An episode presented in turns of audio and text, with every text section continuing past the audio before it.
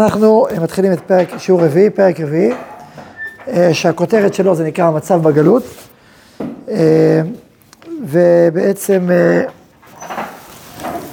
אנחנו מדברים באופן יסודי מה קורה שעם ישראל בגלות, גם בפרק ה', פרק אחריו, פרק ארוך ורחב, הוא גם עוסק בבית שני, ואחרי זה גם בגלות, אז אנחנו היום נעסוק בפרק רביעי, ואולי גם נתחיל קצת פרק חמישי. אז כך כותב הרב, כאשר שר רוח אלוהים מעל האומה, מהפרידה את תכונתה הלאומית ממקור חייה, נתחייבה חובת גלות.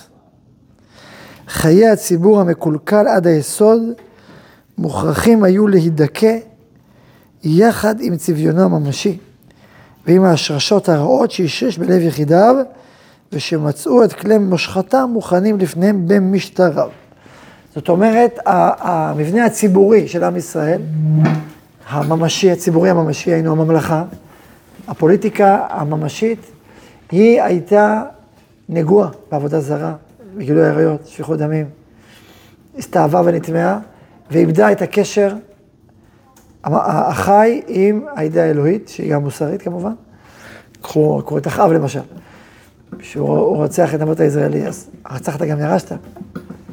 שמה לגבי אנושיות, אז רצחת גם ירשת, זה מוסר, זה... איך, איך אתה יכול לעשות דבר כזה? אז כאשר שר רוח אלוהים מעל האומה, כשהפריד את התכונה הלאומית ממקור חייה, חובת גלות. זאת אומרת, אין בעם ישראל אפשרות ארוכת שנים לקיים ממלכה רשעה. זה לא מתכנס, זה לא מתחבר. זה הפוך מכל הייעוד שלנו, זה הפוך מכל התעודה שלנו, זה הפוך מהטבע הפנימי שלנו. ולכן זה מתפרק. זה מתפרק גם, כמו שהזמנו פעם, מהמקום הפנימי, זה מתפרק גם מהשגחה האלוקית. מכאן ומכאן בא הפירוק. והרב אומר אפילו יותר מזה, הוא אומר שכאשר הציבור בנוי לא נכון ומנותק, הוא בנוי ברשעה, בעבודה זרה, אז הוא משפיע שלילה על היחידים גם. כלומר, אנשים שבני הממלכה סופגים את אותה רוח עוועים, רוח טומאה, שראשי הממלכה והממלכה מתנהלת באופן הזה, והם סופגים את זה לתוכם, וגם מוסיפים רשעה רשעתם. וממילא באה הגלות, חורבן פנימי, פיזור חיצוני, הכתה לרסיסים, ותאבד עד היסוד את האידאה הלאומית החרבה אשר זנתה מעל אלוהיה. כבר האידאה הלאומית כבר איבדה את, ה, את הרוח הפנימית שלה, ולכן היא התפרקה. כמו ש... כמו שאומרים לבנבוכדנצר, היכל חרוב חרבת, בית שרוף שרפת. אפילו בית המקדש הזה הוא כלום, הוא מה זה המקדש הזה? היכל חרוב חרבת, מה? בית מקדש שמלא טומאה וניאוף ורצח. ו... ציטטנו את הפסוק פעם הקודמת, הגנו ורצוח. ואתם בבית הזה, בשמי אשר בחרתי, מערת פריצים מהבית הזה. וממילא היא מתפרקת. אמרנו שבכל אומה ללא ידיעה אלוקית היא מתפרקת. לאורך זמן, אבל לישראל יש שתי הבדלים. קודם כל, הקשר הוא הרבה יותר עמוק ומהותי. הסברנו שהאידאה הלאומית היא תולדה ישירה מהאידאה האלוהית, היא לא רק מזדווגת איתה, היא תולדה שלה. זה, זה, זה יסוד, ולכן זה הרבה יותר עמוק ומושרש. ועם זו יצרתי לי, אני, לא, אנוכי נטעתיך סורק, כולו זרע האמת. ואיך נהפכת לסורי הגפן נוכריה? אתה יודע, סורק כולו זרע האמת, אני אז זה הנטייה, לשמה, לשם זה ננתת. אז בגד בתכונה שלך בצורה הכי קיצונית. אומה רגילה, יש בה רוח ואיזה ערך, ו, ובלי ערכים בכלל היא תמות, אבל זה לא כמו אנחנו, שזה הייעוד שלנו, הבשורות הרוחניות, המוסריות, הפנימיות. אה, אז זה, זה הבדל. הבדל שני, מאוד מאוד משמעותי, שקשור בטבורו להבדל הראשון, שאנחנו מתפרקים זמנית, לא נצחית. אומה אחרת מתפרקת ונעלמת. עשתה את שלה, כבר, היא כבר איבדה את זכות קיומה. לא כולם, יש כאלה שממשיכות, אבל פחות משמעותית, כמו מצרים, אני לא יודע. אבל הן נעלמות. עם ישראל חי, זה זמני.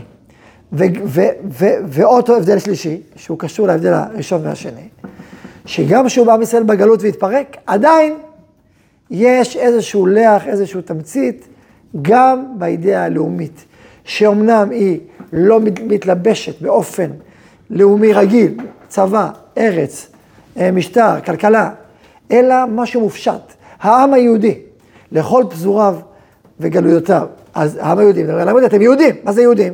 בני העם היהודי. מה זאת אומרת שבני העם היהודי? מה זאת אומרת שבני העם היהודי? אין לכם, כל אחד אתם מפוזרים בכל ארבע רוחות השמיים. יש גרמנים, יש אנגלים, יש צרפתים, יש uh, סורים, יש טורקים. והטרגדיה, הטרגדיה, הכאב של הפיזור, שכל אחד מזהה את עצמו כחלק מהלאום שלו גם. הרב אשכנזי, זכר לברכה, הרב הניטור, הוא אמר שכשהוא, שלפני שהוא עמד על דעתו הרוחנית והפנימית, אז הוא אמר, הוא זיהה את עצמו כיהודי, צרפתי, מערבי, משהו כזה. אבל הצרפתי זה חלק ממנו. חלק ממנו, ותמיד הגויים היו עושים מבחני נאמנות. כמה אתה צרפתי, כמה אתה יהודי. ועכשיו עוד יותר, שבמדינת ישראל, אז מה, אתה זמנות כפולה? מי אתה, מה אתה? אז היהודי אמר, אני בדתי יהודי ובלאומי צרפתי. אבל זה לא מתכנס. זה באמת לא עובד, כי עם ישראל הוא לאום. הוא היה עם בארצו, והוא יחזור להיות עם בארצו. אז מה אתה עכשיו? לא, אני לאומי צרפתי, אנגלי, אמריקאי. אבל זה לא נכון, זה נכון ולא נכון. זה נכון כי באמת אין לך עכשיו לאום שמתפקד כלאום בפועל, אבל אתה כן בין העם היהודי. מה זה העם היהודי? הוא סוג של לאום, הוא לאום. אז, אז מה זה לאום הזה? זה לאום מופשט, פורח בשמיים. שמה שמקים אותו כלאום זה המרחב הרוחני שלו. שאתה בא לבית בית כנסת, אז אתה חלק מהלאום היהודי בעצם, אבל אתה לא תקרא לזה לאום, תקרא לזה קהילה. אני בא לקהילה, לבית הכנסת, אנחנו קהילה יהודית, שבקצה, מי שכבר לא יכל לסבול את ה... כאילו מי שהלך עם הסתירה הזאת עד הסוף, אז הוא אמר, אני באמת אין לי לאום. אז הרפורמים הראשונים, מנדלסון וחבריו, אז הם אמרו, אנחנו גרמנים, בני דת משה. עכשיו אין דבר כזה, אין לך כזה, זה לא מתכנס. כל מי שלומד תורה ולומד תנ"ך, ומתפלל תפילה אמיתית, זה לא מתכנס. קבץ ידכם במקפות הארץ, ארץ ישראל. צמח די ידיך באחת תצמיח. כמה תאמרו בשעותיך, אנחנו בגלות. כשאתה אומר גלות, כשאתה אומר את המילה גלות, אתה בעצם אומר, אני לא במקומי. ולכן, אה, אה, כל הח... לכן הם, הם מהסידור, הוציאו מהסידור את החלקים האלה, והוציאו את זה, ואין לנו שום... ולכן בשיבת ציון, כשרצו על הציון, אז חלק מהמתבוללים האלה אמרו, אנחנו, אין לנו, אנחנו פה, אנחנו רוצים להיות פה. או בגרמניה, או באנגליה, אנחנו לא צריכים הצהרת בלפור. זה רק מעורר את התסיסה וגורם אנטישמיות. כי זה גורם לשאלה למי אנחנו נאמנים. האם אנחנו אנגלים או אנחנו יהודים. עזבו, אל תגידו את זה. ותשמעו, זה סכסוך לא פתור, עמוק מאוד. אנחנו חיים, אנחנו לא אפילו מבינים את גודל אה, שלמות הרוח כשאנחנו חיים פה בארץ ישראל. בני העם היהודי, מדינת ישראל. יש לנו קשיים, מדינת ישראל, שאנחנו רוצים... אבל זה שאין דיסוננס, אין איזה מתח מובנה בין היותנו, אה, באיזה, לא משנה באיזה ארץ אנחנו יושבים, לבין היותנו יהודים, אז לכן היהודים צריכים להיות יותר לאומיים מהלאומיים. הלכו בצבאות, נלחמו, מסרו את נפשם, קיבלו אותות ניצנות. לא נדבר עכשיו על המיעוט הערבי פה שנלחם ורוצה להוריש אותנו. זה אירוע אחר לחלוטין, מי רצה להוריש? רצינו להיות כמה יותר מהם, רק תקבלו אותנו. סיפור אחר לחלוטין, יש לפעמים השוואה שטחית ו- ודמגוגית בין המיעוט היהודי הנרדף של עם ישראל בכל הדורות לבין עכשיו המיעוט הערבי. מה הקשר? הם לא באים להצטרף ולקבל את הריבונות שלנו, ולצ... לא, הם באים להוריש אותנו. כמו שאומרים הנציגים שלהם בכנסת. אומרים, אנחנו, אנחנו בעלי הבית פה, ככה אומר אחמד טיבי, אנחנו בעלי הבית פה, בחוצפה, בעזות מצח, ובפועל, בטרור בפועל. מה, זה פשוט לא קרב זה אל זה, זה דימוי חיצוני, קיצוני, ולא קשור. הפער הוא אדיר, הוא אדיר, פשוט אדיר. מה, אני רוצה לומר מה קורה בגלות אם היינו מתיימרים להוריש את האמריקאים מארצם ותגידו לצלם ולשתות במקומם. ועושים טרור בשם זה. איפה, איפה כל האו"ם וחבורתו? מה, מה, מה מדברים בכלל? זה פשוט, אין קשר. עכשיו, נחזור חזרה למה שאמרנו פה.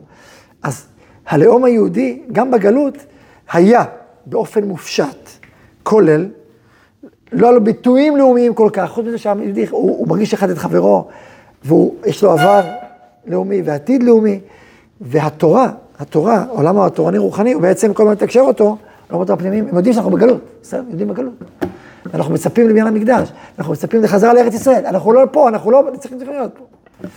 יתרה מכך, כאשר ההתבוללות, או המתבוללים, רצו ממש לאבד את, ה, את הקשר הזה לארץ ולעם היהודי כעם, ומשמעות של זה, אז זה הצליח בידם למחצה, עד שבאה אנטישמיות.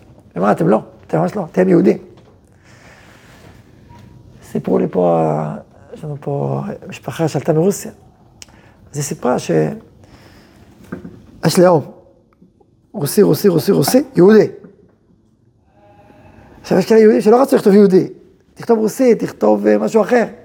כי היהודי זה ז'יד, זה, זה השפלה. אה, אתה יהודי. אתה רואה, אתה לאום, לאום, לאום, רוסי, רוסי, רוסי, רוסי. רגע, אתה רוסי או יהודי? וכל פעם שהיה יהודי, זה לא היה פשוט.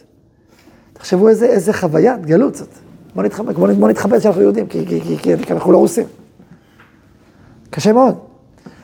ואיך אנחנו עושים פה לארץ ישראל? אנחנו באווירה אחרת, בספירה אחרת לגמרי, חיים אחרים לגמרי. אמ, אז לכן, בתוך האידאה האלוקית, יש כל הזמן את האידאה הלאומית. לכן בתוך העולמות הרוחניים שלנו, כל הזמן הלאומיות מבצבצת, כי הוא בחר בנו מכל העמים. אתה בא לתפילה ואתה אומר, אשר בחר בנו מכל העמים, ונתן לנו את תורתו, אז אי אפשר לבלבל, זה ברור וחד משמעי. אה, וכן זה כמה פסוקים לפני, פסוקים אחרי, כל, כל, זה, זה מתכתב עם הלאומי, ככה זה עובד. ו, וגם הפוך, גם הפוך, גם, אה, גם הלאומיות שלנו, אין לנו שום משמעות לאומית. ודאי בגלות, בלי רוח אלוהית, אין לזה כלום, מה, מה זה אומר שאנחנו יודעים? מה, מה, אין לזה שום משמעות. אז לכן, אומר הרב שהאידאה האלוהית והאידאה הלאומית, ישראלית בישראל, הן כל כך מתאימות, שבאמת לא יכולות להיפרד באופן מוחלט אחד מהשני, אלא, אלא באופן, על פי רוב, או חלקים מרכזיים, אבל יש ממדים שלא נפרדים, לא יכולים להיפרד. זו תשובה שלישית להבדל. אה, בין, בין, בינינו לבין אה, אותו עולם. עכשיו, אה, ממשיך אה, הרב ואומר, אני אקרא לכם, אני מדלג וקורא, באין מקום להשפעתה של האידאה האלוהית על הלאומית.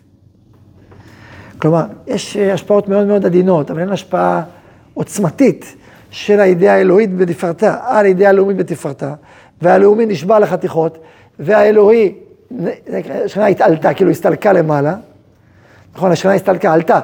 עלתה, כתוב עשר מסעות נשא שכינה. תחשבו על הרעיון הזה, מסעות נשא שכינה. מקודש קודשים להיכל, מהיכל לעזר, לגג, למפתן. היא עלתה והתעלתה כאילו למקומות עליונים ונשגבים יותר. כי לא בכלל יכולה להתכנס בתוך, להיות הנשמה הפנימית של הגוף הלאומי שלנו. אז היא התעלתה וכאילו נהייתה למעלה למעלה. כלומר, כלומר, יש צד מסוים שנמצא איתנו בגלות. וגם בתוך השבר שלנו יש איזה, איזה אור פנימי, איזה לח שמחיה אותנו בפנים, אחרת היינו נעלמים בכלל. איך אנחנו בכלל קיימים? אם לא הייתה השכינה בגלות. השכינה בגלות בכלל שומרת על הקיום הישראלי הפיזי, וגם שומרת על איזושהי רוחניות שתבטא את הקיום הזה, ותיתן לו כוח, אחרת היינו מתבוללים או מרבים את הדת. תחשבו על זה שהיום יש התבהלות ענקית, ענקית, 50 אחוז, 60 אחוז, 60 אחוז, דיברנו על זה פעם, מה קרה שהיום התבהלות כל כך גדולה? לפני שנים זה לא היה בכזאת קיצוניות, למרות שבזמן תקופת ההשכלה זה היה יותר. מה, מה השתנה? התשובה שאנחנו נותנים זה שכשעם ישראל חזר לארצו, השכינה חזרה איתו. הקדוש ברוך הוא שב עמהם בין הגלויות. הרצון להיות יהודי והרצ... וההתקשרות הפנימית הזאת היא תוצאה מהשראת השכינה בנסתר בתוכנו. אז ישראל עוזר לעצור, אז הכוח המרכזי הזה בא לפה, ופחות ופחות שם. ממילא הכוח הזה פחות מאיר את, את, את האומה הישראלית בגלות, וממילא היא מתפרקת הרבה יותר בקלות, הרבה יותר בממדים ובעוצמה מאשר לפני דורות. הסבר. אה, אבל בתקופת ההשכלה השנה הייתה שם, והיה יותר גדול. אני לא יודע מה יותר, עכשיו יותר פחות. לא אמרתי יותר, פחות. היה, היה, אבל פחות. מאשר היום. אמ,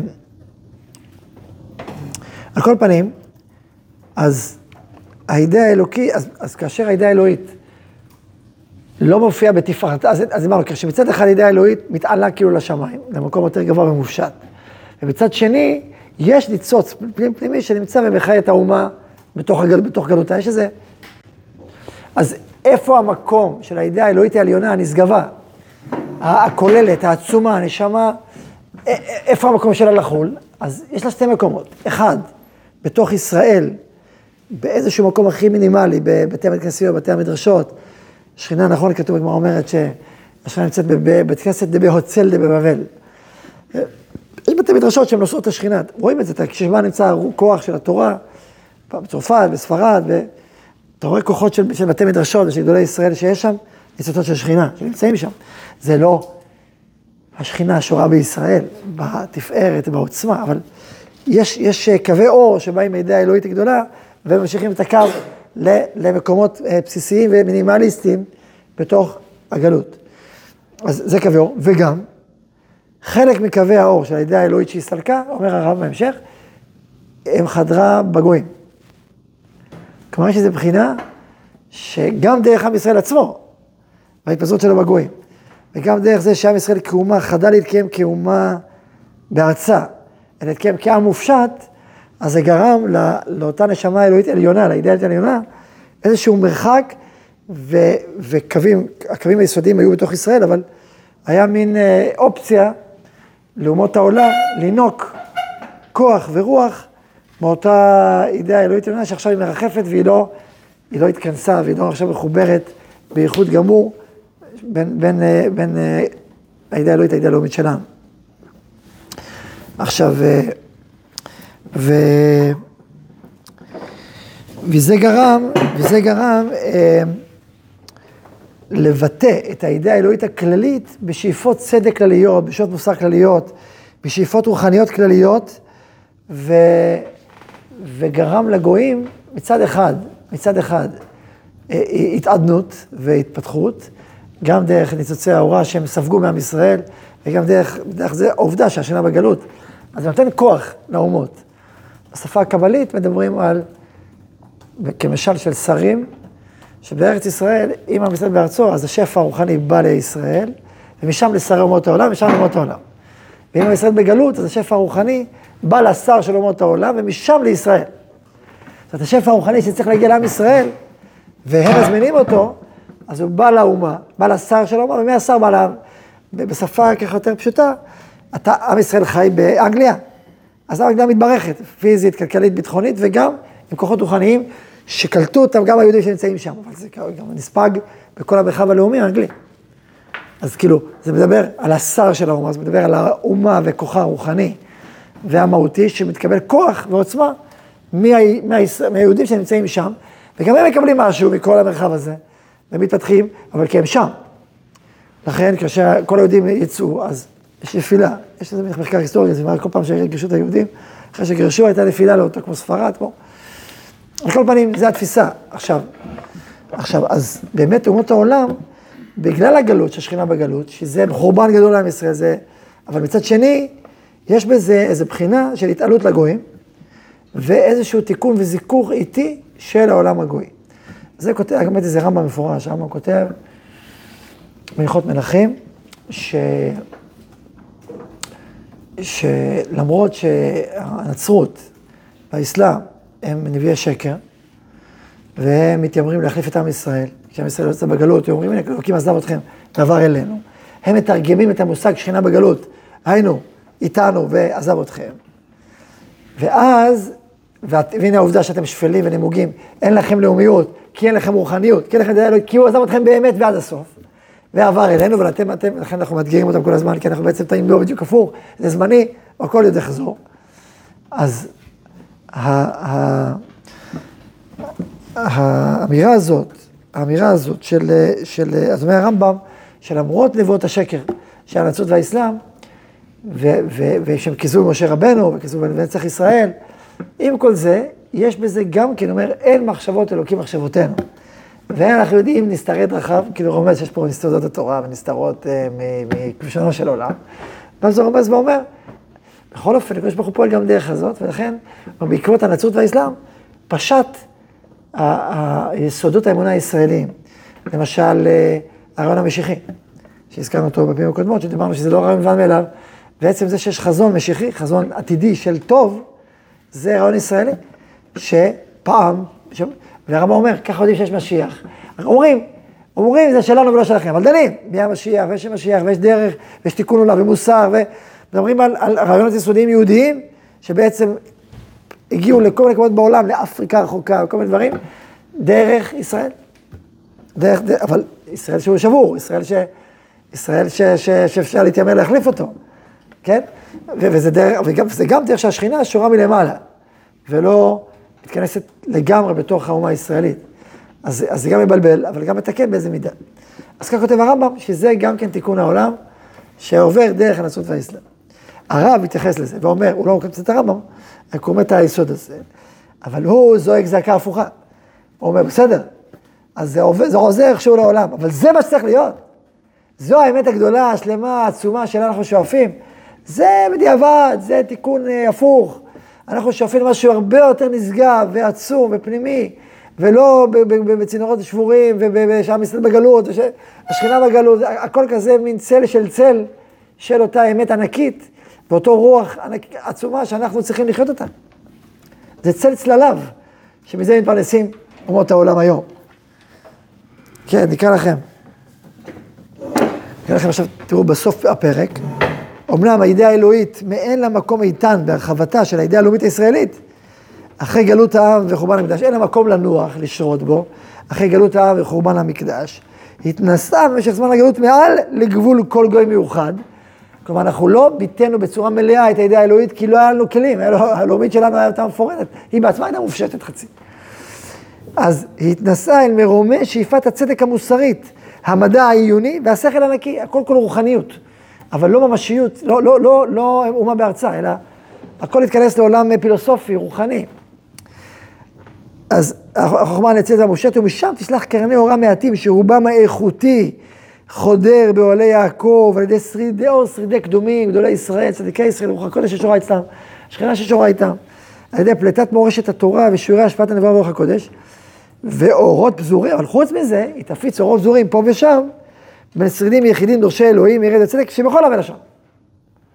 כלומר, זה כאילו בדיבורי, זה עולה למעלה, משפיע את עיקר קרני האור לישראל, את צדיקי ישראל, אבל גם אומות העולם קולטים וסופגים ניצוצי אורה מאותה, מאותה שכינה בגלות שהיא נמצאת למעלה ומתנשאת. כאילו, אנחנו, אנחנו סופגים את זה מכל הרוחניות כאילו ש, שהגויים מפתחים?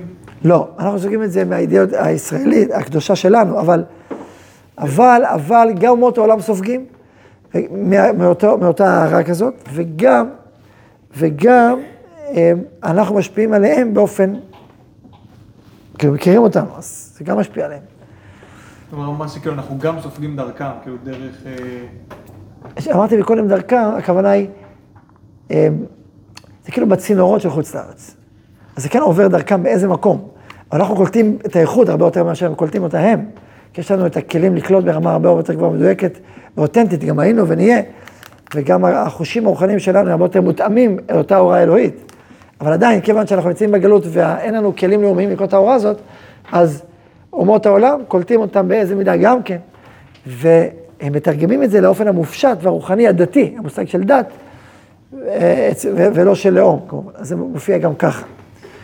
ואז הוא אומר, שבדרכה זו עשתה את החיזון של התעודה הישראלית שניצחה את כל מנצחיה ביסודה העיקרי. זאת אומרת, סוף סוף זיככה מיליוני לבבות להפיח רוח חדשה בגויים ובממלכות, והפיגה הרבה את רשעת האדם האלה. אנחנו נותן מילים קצרות. מה עשתה היהדות והיהודים כשהם היו בגלות לאומות העולם ולעולם כולו. הפיגה הרבה את הרישה האלילית, ניצחה את כל מנצחיה, מה הכוונה? כל עולם האלילות קרס מול האמירה היהודית. היום יש מעט מאוד אלילות, התרבות, כל התרבות המפותחת לא, לא מאמינה באלילים, מאמינה באחדות, מאמינה בדברים, במוסר, זאת היסודות העקרוניים, המהותיים של עם ישראל, ניצחו, הם מוססו במשך הזמן את היסודות החזקים, האליליים, המתנגדים לה. ניצחה את כולם.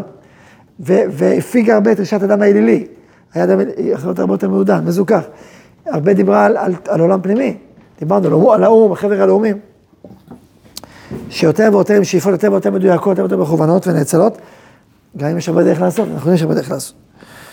אבל אומר הרב, לא זאת המרגיעה. עם כל הכבוד להתפתחות הזאת, ויש כבוד, לא זאת המרגיעה. זה כבר קריאה של שיבת ציון. הרי לא, מסתפק בגלות ואומר, טוב, פה יושב קיוויתיה. הוא אומר, לא זאת המרגיעה, הוא לא עוצר פה. לא זאת המרגיעה. אנחנו לא רגועים שם, זה תרגול, בגויים ההם לא לך מנוח ולך אה, לא תרגיע. בגויים ההם לא תרגיע, ולא יהיה מנוח לכף רגליך. אתה באמת לא יכול להתבסס שם, באמת זה לא תיקון. עכשיו, זה לא כזה מובן מאליו, תדעו לכם שהיו צדיקים יהודים שחשבו שכן נשב שם ונתקן עד שיבוא שילוב בינתיים, זה טוב. לא זאת המרגיעה. ההשפעה הקלושה של אמרת המוסר החלשה והנאנקה, באין לה מעמד מרומם רשמי בחיי עם וממשלה, של הופעת השפעתה של הידיעה הלאומית שלה, בכל אומותה וסיגובה, במה נחשבת היא? במה נחשבת היא. זאת אומרת, א', הוא אומר, כשאתה בא באמת לתקן עולם, כשאתה בא באמת לא רק כמליצה מופשטת, לא הגיונית, אוטופית, שאתה בא לבנות חיים קדושים, אמיתיים, עם מוסר, עם אמת, עם צדק. לא מספיק שיהיו צדיקים שיגידו אמרות קודש, אבל כל האומות והפעולות החזקות של החברה יהיו מונעות מאינטרסים או הפוך מרשע. אומרת, זה לא, זה לא, זה לא, זה לא, זה, זה לא התיקון העולם שצריך לעשות במציאות. בכל הכבוד, זה אמירות מוסר חלשות, במיוחד אם אתה, שאומר את המוסר, אתה נאנק, או אתה פורש מהחיים, כמו שהנוצרים עושים, ונכנס לאיזושהי פינה, זה לא עובד. זה לא זה. צריך משהו הרבה יותר עוצמתי. צריך עם שלם, עם כוח, עם עוצמה כלכלית, עם עוצמה ביטחונית, עם עוצמה מדינית, עם דיפלומטיה, עם טריטוריה, עם, עם רוח. זה אפשר לדבר, לתקן עולם, כדוגמה לתיקון עולם, אבל בלי זה, זה לא משמעותי, זה אמרת מוסר חלושה, אפילו הפוך.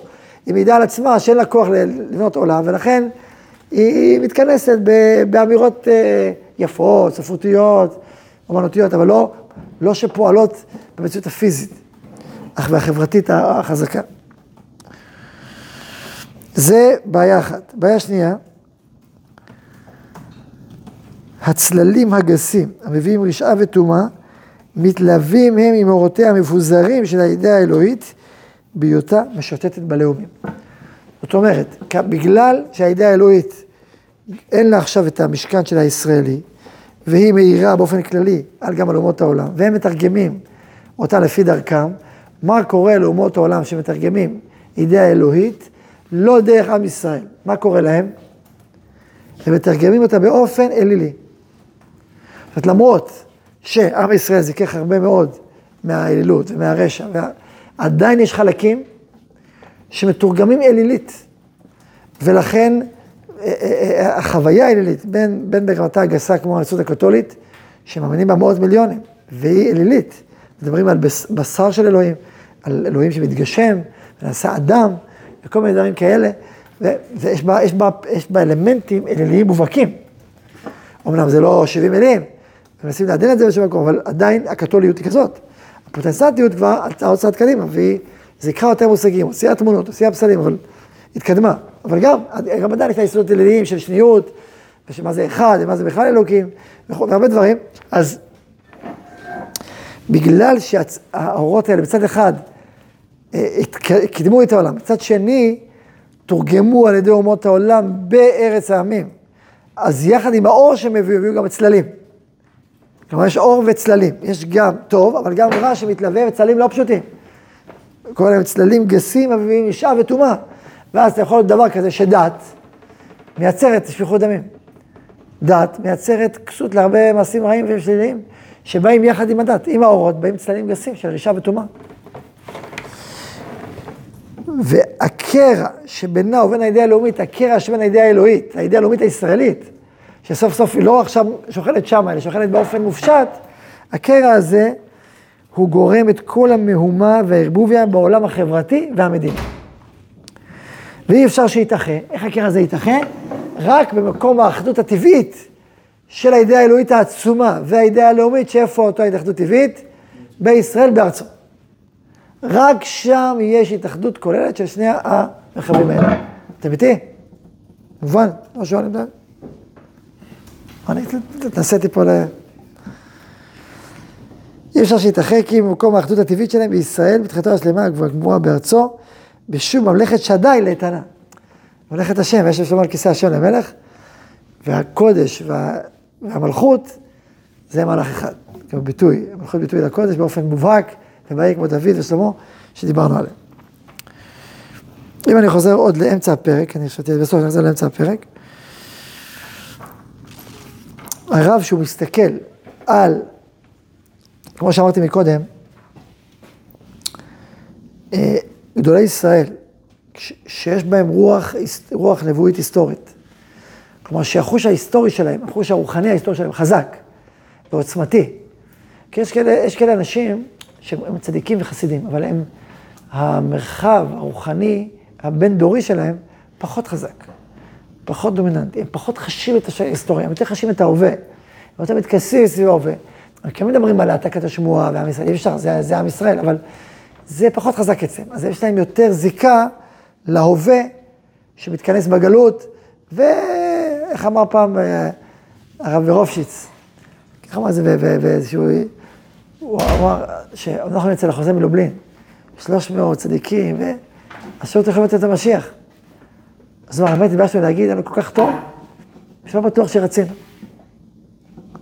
עכשיו, האדמו"ר החוזה מלובלין עסק בהרבה לבית המשיח, אבל הוא ביטא איזה, איזה מין אמירה כזאת, איזה מין גוון כזה, ש, שצריך להיות בעל חוש רוחני היסטורי עמוק, בשביל אה, לקלוט מה זה עם ישראל בתפארתו כאומה בחיה, מה זה אידאה האלוהית הישראלית העצומה שנמצאת שם, ומה המצב עכשיו. והרב אומר, כשאתה מסתכל עכשיו על המצב הלאומי הישראלי, אתה מתמלא כאב אדיר. וגם האידאה האלוהית מתמלא כאב אדיר, ואתה אומר, איפה הכל? הוא אומר, זה מכאוב אדיר. הוא אומר, רק טהורי נשמה יכולים בכלל לשער את גודל המכאוב וההחמצה והפער בין איפה שעם ישראל ומילא העולם בעקבותיו צריכים להיות לבין המציאות. ופה עכשיו אנחנו הולכים להתפלל על, על התיקון, עכשיו אנחנו כואבים אותו. בראש אנחנו מתפללים עליו, אנחנו מקדמים אותו, אנחנו אה, שואפים אותו, אנחנו ממליכים אותו, זה, זה בעצם ראש השנה. אז הוא אומר, רק טהורי נשמה, תראו את הביטוי שלו, רק טהורי נשמה משערים את עומק המכאוב והיגון הזה. כמה יגון, כי אתה מתאר מה זה עם ישראל, כמו שאתם לא איך עם ישראל היה בזמן של הרב קוק? מפוזר, מפורד, פוגרומים. איפה עם ישראל בתפארתו? ואם לא כואב לך, אז אתה גם לא שואף שיבת ציון מספיק חזק. ואתה גם לא אה, מתנסה לעשות את זה. באופן פרדוקסלי, מי שהרגיש את הכאב הזה, דווקא היו הציונים החילונים במובנים רבים. הרבה מהם. והם ביטאו את הכאב של הגלות. ושאי אפשר יותר בגלות, צריך לחזור לארצו. באיזשהו מקום הם קלטו את הרוח של שיבת ציון שצריכה להיקלט, כמו אצל הרב, הרב קלט את זה במלוא עוזו ותפארתו. הם קלטו את זה בלבוש אחר, כאילו, אבל הם קלטו את זה. ואנחנו רואים שההשגחה האלוקית הובילה, הובילה לפה, ואנחנו פה. זה לא היה אפיזודה, זה לא היה משהו זמני, קטן כמו שחשבו חסידי סאטמר, כמו שחשבו אחי שזה לא יצליח, זה לא ייפול. הרב מבריסק, זה יחזיק כזה שלך אדם גדול מאוד, אבל לא אמר זה לא יחזיק מעמד עשר שנים זה ייפול. ולא היא. לא נפל, 70 שנה, 5 שנה, הפוך, משגשג והולך. מה לעשות? הייתי באיזה רעיון איתו, אז שאל, ראינו אחד התלמידים המובהקים, שהוא סיפר את זה, המובהקים של ה... אחת השם בר לוין, שהוא סיפר את זה, והוא שאלתי אחר כך, אחרי עשר שנים, שאלתי את הרב, אמרתי לו, הרב אמר שזה ייפול. אמר, שמעתי שייפול, התכוונתי רוחנית, כלכלית זה לא יחזיק. אמרתי נו, וזה יחזיק. אז הוא אמר, לא חשבנו שיש שילומים בגרמניה. בסדר, אם מדברים על רק על המישורים הארציים ארציים, זו תשובה טובה, אבל מבחינה רוחנית זה לא... זה לא, זה לא הדיבור, כי מבחינה רוחנית, אוקיי, אז גם האבן הכלכלית שזה ייפול, ולא. רוחנית, תרבותית, ביטחונית, צבאית, הסאטמרים אמרו את זה מזמן. אה, עשר שנים, עשר שנים, הכל יקרוס, זה... לא. היו כאלה שהפסיקו לצאת מהימין הזה. כי אתם משדרים שזה אוטוטו נעלם. כי זה אנטי רצון השם, וזה רק זה וכל...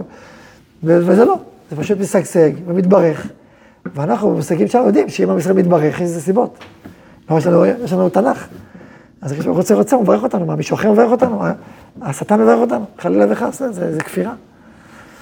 אז לכן, יש ברכה, הקדוש ברוך הוא מברך, זה מה שאמר סולובייצ'יק, השגחה פסקה כמו הציונות. אני שומע, אנחנו רואים בעיניים. אז, ו, ומאז, מאז, עוד יותר, ועוד יותר.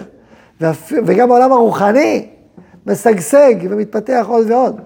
עד שהיום החילונית פוחדת. זה המציאות. אז תחשב איפה, אנחנו נמצאים, מה, מה, שנה חזרה לציון, מה המשמעות של חזרה לציון? מבחינת ששת הימים, המלחמות, הניצחונות במלחמות, זה לא מובן מאליו. כל מלחמה פחדו שהכל ייסגר, הכל יקרוס. ששת הימים חשבו שזה יקרוס, יוקים חשבו שיקרוס. והפוך, עם כל הקושי והצער, יש לנו עבודה אינסופית לעשות פיזית, מעשית. הכל פורח, הכל עולה, זה המציאות. אז אנחנו רואים, בעצם, עכשיו למה אני מספר את כל זה? כי הרב זכר צדיק לברכה, היה מגדולי ישראל הבודדים שחוו בכל העוצמה את האמירה הזאת, גם הגר"א, גם גדולי החסידות הקדומה. הרב קורא לזה, מי שרוח של משיח מנשבת בו. יש לו חושים כאלה של, של ההיסטוריה הישראלית, של הדין הפנימי שלה, של הרוח הפנימית שלה, והנה יש פעימה קדימה. צריך חיישנים, אנטנות משיחיות, אנטנות גאוליות רוחניות, בשביל לחוש, הנה זה קורה, הנה עכשיו, עזבו כל מה שיש פה לא שווה, אתם מבינים? כשאתה נמצא במצב בדיעבד, יש לך כושר הסתגלות, ואתה מסביר גם בדיעבד כמה זה טוב, כמו שאמרנו לפני רגע, כמה זה כן מתקן את המציאות, ונחכה לעתיד הרחוק, ששם זה יקרה, מתרגלים. זה טבעי, זה טבעי, וגם זה חלק מהתפקיד שלנו עכשיו, אז אתה מעצים את החלק הזה ואת הדיעבד הזה, עוד ועוד ועוד ועוד. ואז כשמגיע הזמן לצאת, מה שהפעם עזר לך, עכשיו הופך להיות אויב שלך. יש משהו אותך במדרגה הנמוכה שלך, אתה כבר לא מסוגל לעלות למדרגה הבאה, כבר, כבר הדיע, החלקים בדיעבד של המדרגה הקודמת משאירים אותך פה ואתה לא מסוגל ללכת, זה הבעיה. צריך רוח מקורית מאוד חזקה, להשיל את כל החלקים האלה ולהגיד, עכשיו עולים. הגיע הזמן לשוב, הגיע הזמן ולכן צריך להסתכל כבר בעין שלילית על כל התועליות הגלותיות, ולא לפאר ולרומם אותן. לכן פה הרב בפסוקים, במשפטים האלה זועק, זה לא כלום מה שיש פה. זה רע, זה מר, זה נורא.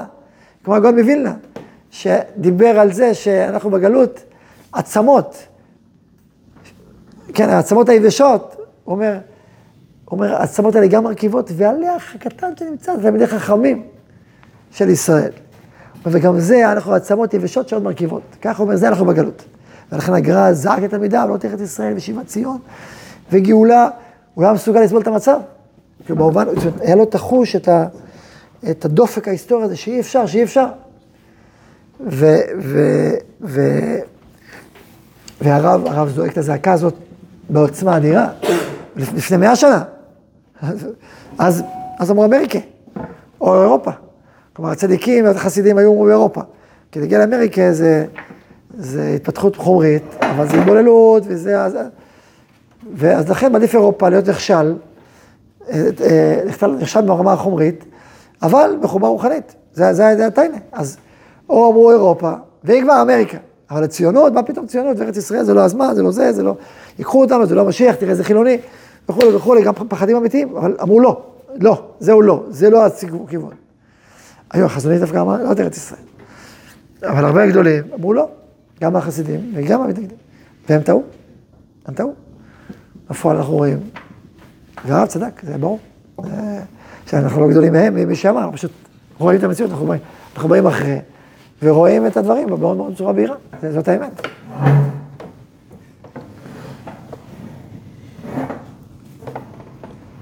אז אני רק חוזר, למה הרב פה אה, מכה את הגלות. הוא לא מוכן לה, הוא אומר, תראו מה קורה פה. בואו תקראו, תקראו איך הוא מתאר את, הז- את האידאה הלאומית היהודית בזמנו. כלומר, איך הוא מתאר את מצב העם היהודי בזמנו כלאום. אתה יכול אומר העם היהודי בכל פזוריו. בואו תראו את המילים שלו, אני אומר את זה גם תבינו את החריפות ואת ה, את ה, את האיכות הפנימית הזאת שאומרת, זה לא זה כבר, זהו, אי אפשר להיות פה. וכמה כואבת ונמוגה היא כעת האידאה הלאומית הישראלית. שכל רממותה, ש- שבאמת רוממותה ואורה ותפארתה וגבורתה, מתגלים רק בהופעתה המלאה של האידאה האלוהית בקרבה בכל אשר עוליה. והנה, מה קורה עכשיו? הוא אומר, הנה היא שבתה ונתעלפה לגמרי משפלות עבדותית, בזויה ונמסה, מאפס נשמת חיים, אוויר לנשימה ומזון לקיומה והמשכת חייה, חדו היחידים הפזורים להיות לחיות חיי עם, והחיים הלאומיים, עם כל הגבשותיהם האמיצות והאדירות, מלאות ההוד, העוז והגאון, נשכחו כמת מלב. רק תמצית של תמצית של הרגשות האלה, על ידי הצד המוסר, את אומרת הרוח נקלטה על ידי הצד הפנימי הנסתר של האידאה הלאומית, שהוא בלוע בעצם האידאה האלוהית. כלומר, יש אורה אלוהית שנשארה מועטה, שמחיה אותנו, השכינה בגלות שנמצאת איתנו, ויש אה, אה, משהו מהלאומית שלנו, דרך העבר ודרך העתיד, זה משהו שקורה, זה מה שנשאר, מכל העוצמה והתפארת הישראלית, הלאומית והאלוהית הגדולה והעצומה. ואז הוא אומר, רק טהורי נשמה, רק טהורי נשמה משערים את עומק המכאוב והיגון הזה, הצער העולמי המקיף וכולל וחודר בפרטי פרטי החיים האומללים, המלאים חמת השם של פירוד הדבקים והקטנת המאורות. הוא אומר, אני הולך בגלות כל רגע ורגע, אני מרגיש את חמת השם עליי, כעננה. את פירוד, המאור, את פירוד הדבקים, פירוד המאורות, בין השכינה העליונה לבין השכינה התתה. בין אותה שכינת התאה שנמצאת בגלות, בתוך הלאומות, לבין השכינה ההילאה, העצומה, האדירה, שנמצאת למעלה למעלה. בין ההי הראשונה של שם הוויה להי האחרונה של שם הוויה יש פירוד. יש שם הוויה מפורד. והוא אומר, אני מרגיש את הפירוד הזה, כואב, צועק את עמקי נשמתי. כמו שהמגיד מישרים, המגיד המלאך שהתגלה לבית יוסף, אמר לו, לעלות לארץ ישראל. אמר לו, אם היית יודע כמה הצער של השכינה, לא היית שוחק רגע אחד. אומר, באיזה אלף אלפי אלפים בצער אני מצויה, לא היית בכלל מבין את התורה למשל עומק המכאוב, והיגון החודר הזה לפרטי פרטים. אני ספוג במכאוב הזה, והיגון הזה, בזה שזה לא התכנות מה שקורה פה. כשמגיע העת, הוא אומר, יאללה, עולים, עכשיו עושים צעד פעימה הבאה, פעימה הבאה, פעימה הבאה, כמו שהרב זועק פה, ונדבר בהמשך על המשמעות של הפעימה הבאה ולמה אנחנו שואפים, מה היינו ומה אנחנו שואפים. אבל מה המצב בגלות, שזה מה שלמדנו עכשיו, ואם נגיע לראש השנה, כמו שאמרתי, אז הפעימה הבאה, שבהמשך נדבר עליה, החיבור הזה בין הדודים, זה השאיפות הגדולות שלנו, וזה המשמעות הפנימית של מלכות השם. שאני אמליך את השם ראשון, זה המשמעות שלנו. ברוך ה' לעולם, אמן ואמן.